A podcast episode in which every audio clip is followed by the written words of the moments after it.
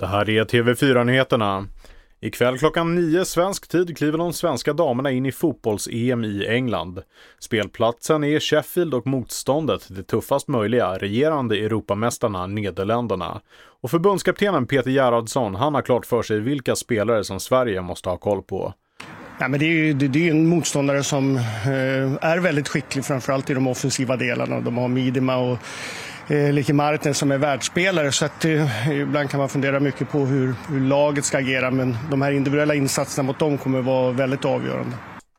Minst 16 människor har hittats döda och över 40 saknas i Kashmir efter att enorma vattenmassor efter ett skyfall svept med sig hinduiska pilgrimer som var på väg till en grotta i Himalaya.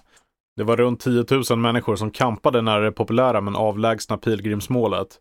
Hundratals tält sveptes med av vattenmassorna och många människor vårdas nu på platsen där militären satt upp ett fältsjukhus. Och SAS-strejken är nu inne på sin sjätte dag och parterna har ännu inte satt sig vid förhandlingsbordet.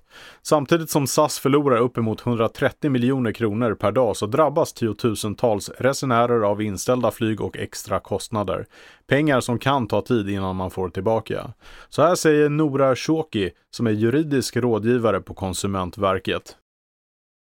Det finns som sagt ingen tidsgräns men Ehm, det man kan göra om man anser att flygbolaget har tagit alldeles för lång tid på sig att ehm, återbetala det är att man kan vända sig till Allmänna reklamationsnämnden för att få sitt ärende prövat.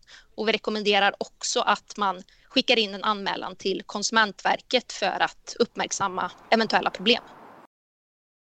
Och slutligen kan vi berätta att en del av ett käkben som hittats i norra Spanien kan vara den äldsta fossilen från en mänsklig förfader någonsin i Europa.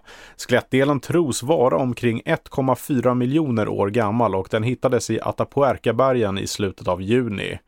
År 2007 hittades den hittills äldsta fossilen från en mänsklig förfader i Europa i samma område.